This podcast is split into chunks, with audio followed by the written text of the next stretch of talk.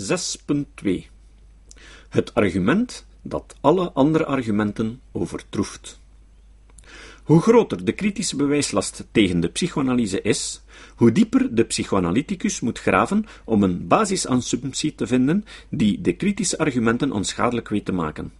De bewijslast die ik in de inleiding van deze thesis samenvatte, weegt nu klaarblijkelijk zo zwaar dat sommige verdedigers van de psychoanalyse geen andere optie zien dan de noties van waarheid of realiteit zelf te ondergraven, of dan het eindeloze doortrapte en bedrieglijke onbewuste in te roepen dat elke criticus zogezegd een rat voor de ogen draait. Ironisch genoeg zorgt dit ervoor dat het grootste probleem waarmee veel van de besproken immunisatiestrategieën kampen niet zozeer hun zwakte is, maar eerder hun al te grote slagkracht. Op zich is het begrijpelijk dat de aanzienlijke kritiek op de psychoanalyse haar verdedigers tot drastische vluchtmanoeuvres noopt.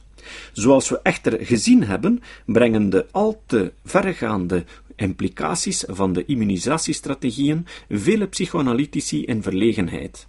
We zagen bijvoorbeeld hoe sommige van hen het weerstandsargument gebruiken, maar tegelijkertijd haar onrustwekkende potentieel niet ten volle willen erkennen. Anderen willen zich van het argument distancieren, maar raken niet veel verder dan een krachteloze poging en bezwijken alsnog aan de sofische verleiding.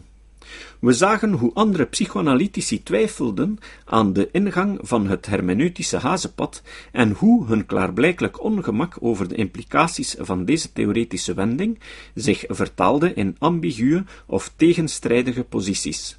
We bespraken postmoderne filosofen die de noties van waarheid of realiteit ondergraven, maar die niettemin expliciet de absurde consequenties van hun standpunt weigeren in te zien.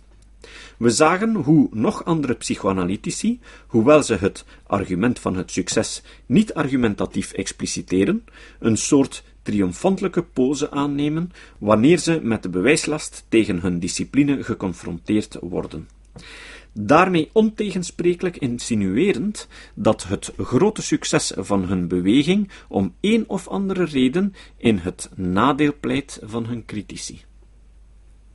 De verregaande implicaties van de immunisatiestrategieën hadden verschillende vormen. Het weerstandsargument was vooral problematisch omdat de hypothese waarop het berust potentieel elke vorm van redelijke discussie uitsluit. Welk intellectueel argument zou immers geen vermomming kunnen zijn van onbewuste weerstanden? Zij die het hermeneutische hazenpad insloegen, moesten dan weer aanvaarden dat hun theorie compleet steriel en vrijblijvend werd, en dat ze op geen enkele manier nog aanspraak konden maken op werkelijke inzichten over de patiënt. Een van de grootste problemen echter, die het gebruik van verschillende immunisatiestrategieën met zich meebrengt, is dat andere theorieën ze met hetzelfde gemak kunnen inschakelen. Waarom zou er niet zoiets als een hermeneutische astrologie kunnen bestaan?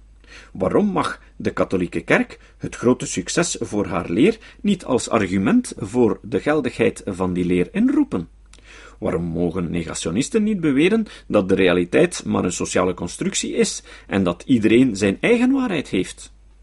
Waarom mogen allerlei dubieuze kwakzalvers niet beweren dat elk geval radicaal uniek is en dat experimentele onderzoeken over hun praktijken bij voorbaat onmogelijk zijn? De psychoanalyticus is al dus voor de keuze gesteld. Of hij draagt de implicaties van zijn argumenten en rechtvaardigt gelijk ook de andere kramers op de markt, of hij laat argumenten gewoon vallen.